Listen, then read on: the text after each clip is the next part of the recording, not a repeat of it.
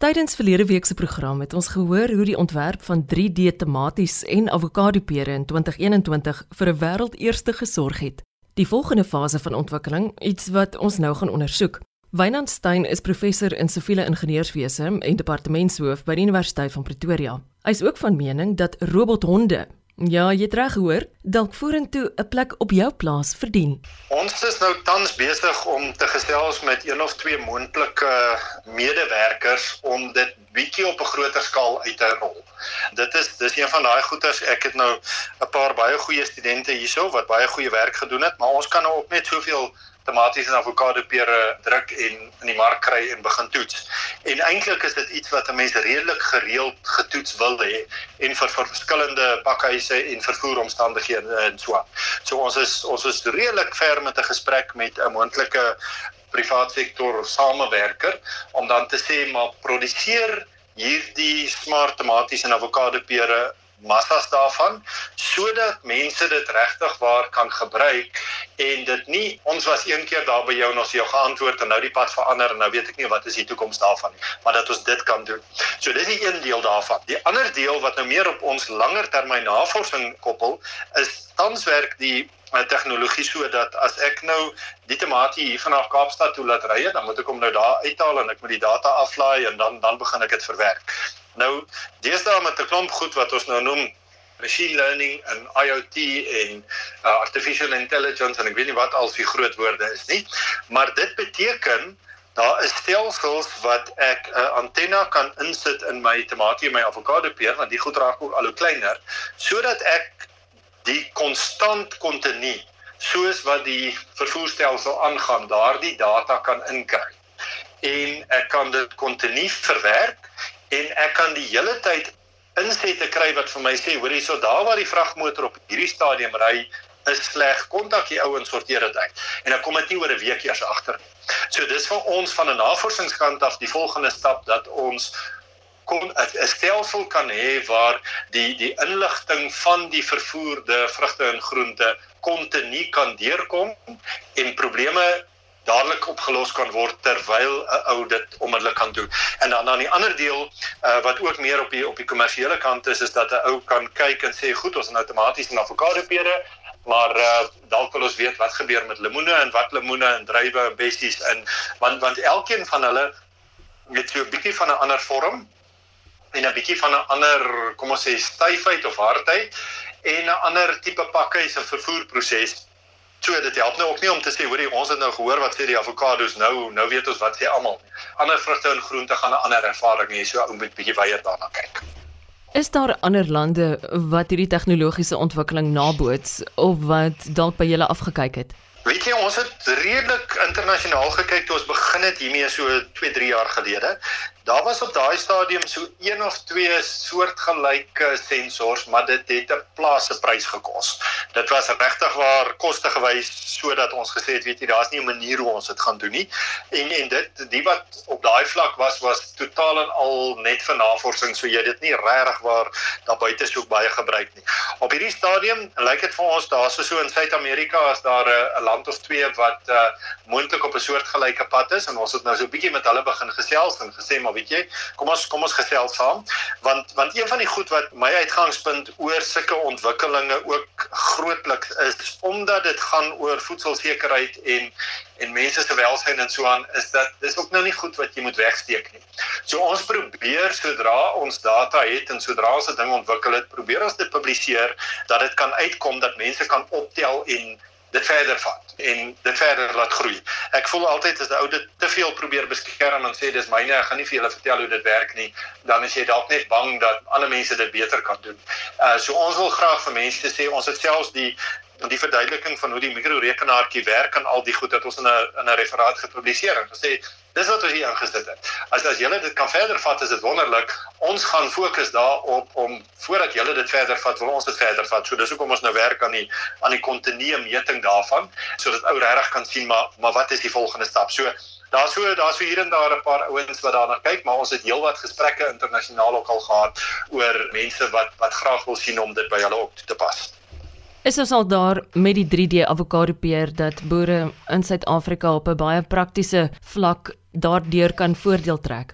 Man, ek sal sê ons is amper daar. As dit nou een boer hier en een boer daar is en ek het tyd en ek het nie te veel studente nie, dan kan 'n ou dit doen, maar dit dis nie die ideaal nie. En en dis juist hoekom ons nou met hierdie kommersiële ouens samesprekings het sodat 'n mens dit op daai vlak kan kry dat 'n boer hopelik binne 'n jaar se tyd vir iemand kan kontak en kan sê ek wil asseblief vyf slim avokado pere koop.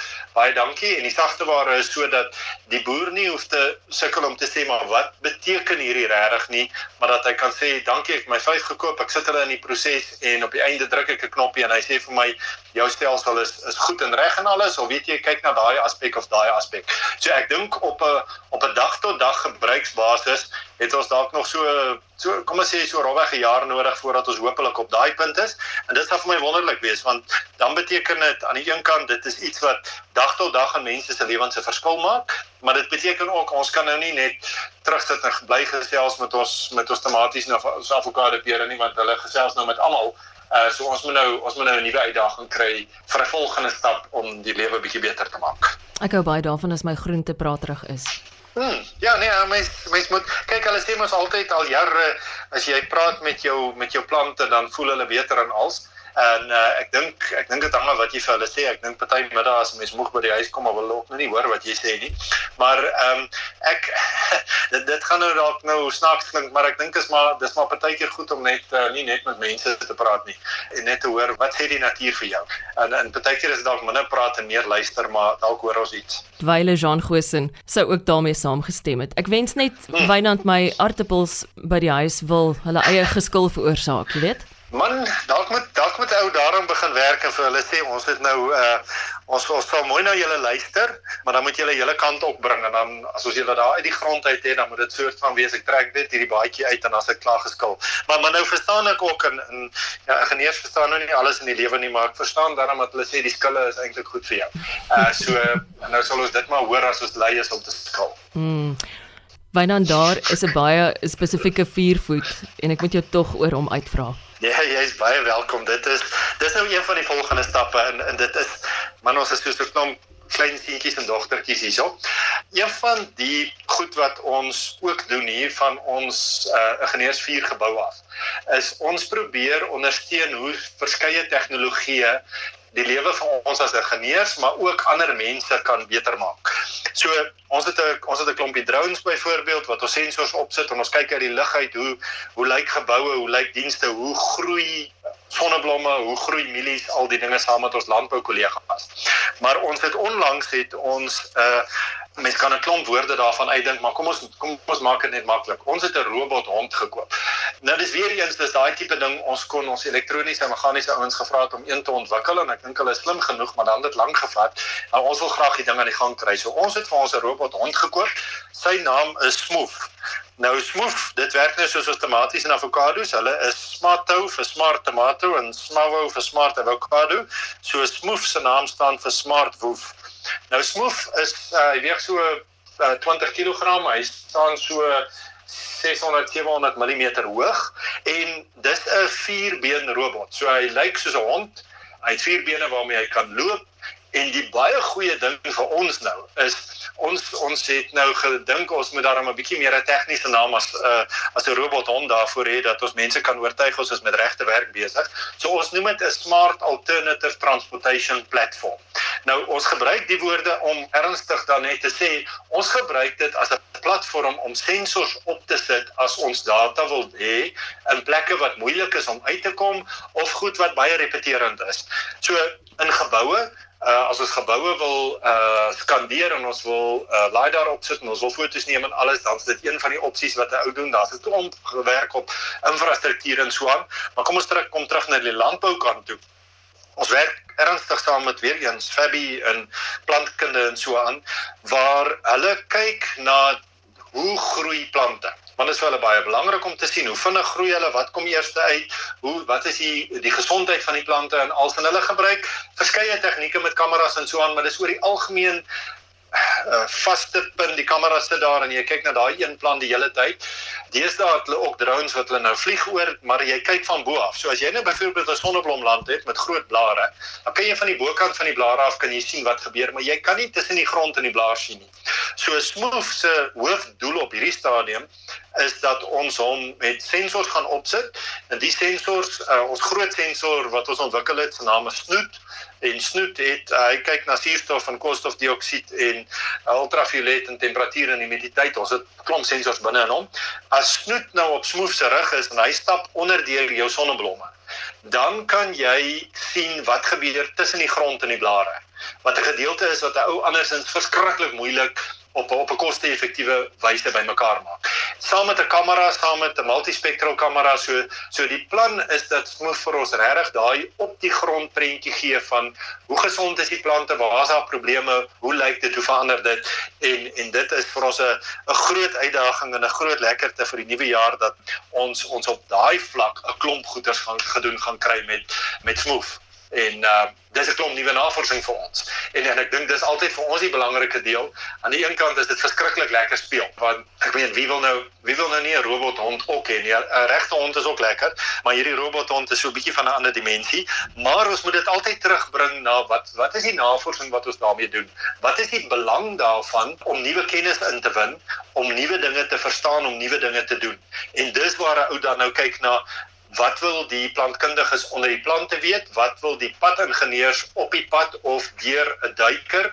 Wat dit moeilik is om onder 'n kasduiker onder 'n pad te sien wat aangaan, maar Smoof kan daar instap en hy kan deurstap en hy kan foto's neem en ons kan sien wat wat gebeur daar binne. So dis 'n enorme lekker nuwe uitdaging. En dan weer eens die die ander lekker ding omdat jy nou by die universiteit sit, is ons het nou ons datawetenskappe en groot data en data analytics mense wat nie altyd verstaan wat ons in die veld doen nie, maar hulle weet baie beter as ons wat om met baie groot datastelle te doen. So sodra ons nou al hierdie data bymekaar het, dan trek ons hulle in en ons sê vir hulle, weet jy, ek het byvoorbeeld nou ons het so vir die laaste jaar pad pad temperatuurdata gemeet hier rondom my gebou en ons sit met 80000 datapunte. So ons het elke 20 minute vir oor 'n jaar het ons die temperatuur van die pad en die weer en alles Dit raak 'n enorme datastel en dis nie iets wat jy net wil sê goed die gemiddeld van al hierdie data is 10. Dit sê eintlik vir jou niks nie. Jy moet die prentjies en die neigings en goeters daar uitkry. En dis waar ons dan ons groot data ouens intrek en sê, "Kan julle ons help om te sien wat is die patrone wat 'n mens hier kan uitkry wat ons andersins nie gou gesien het nie." So dan sit ons nou met smoof op die grond, drone in die lug, datawetenskappe mense bymekaar en dan begin ons regtig 'n verskil maak in mense se lewens. Want nou kan ons uitgaan en ons kan sê as jy hierdie tipe sonneblom in daai tipe grond en daai omgewing plant dan gaan dit werk of dit gaan nie werk nie. Of ons sien hierdie siektes ontwikkel hier van onder die blare af of ons sien hulle is gelukkig of nie gelukkig nie. So so is dit dis 'n geweldige groot nuwe veld wat 'n oue klomp lekker dinge kan doen Wynandstein is professor in siviele ingenieurswese en departementshoof by die Universiteit van Pretoria. Luister gerus weer na hierdie program na jy dit maklik gevind het op die webtuiste van RSG. Ek is Eloise Pretorius en ek wens jou 'n wonderlike Saterdagmiddag. Dankie vir die saamkuier. Totsiens.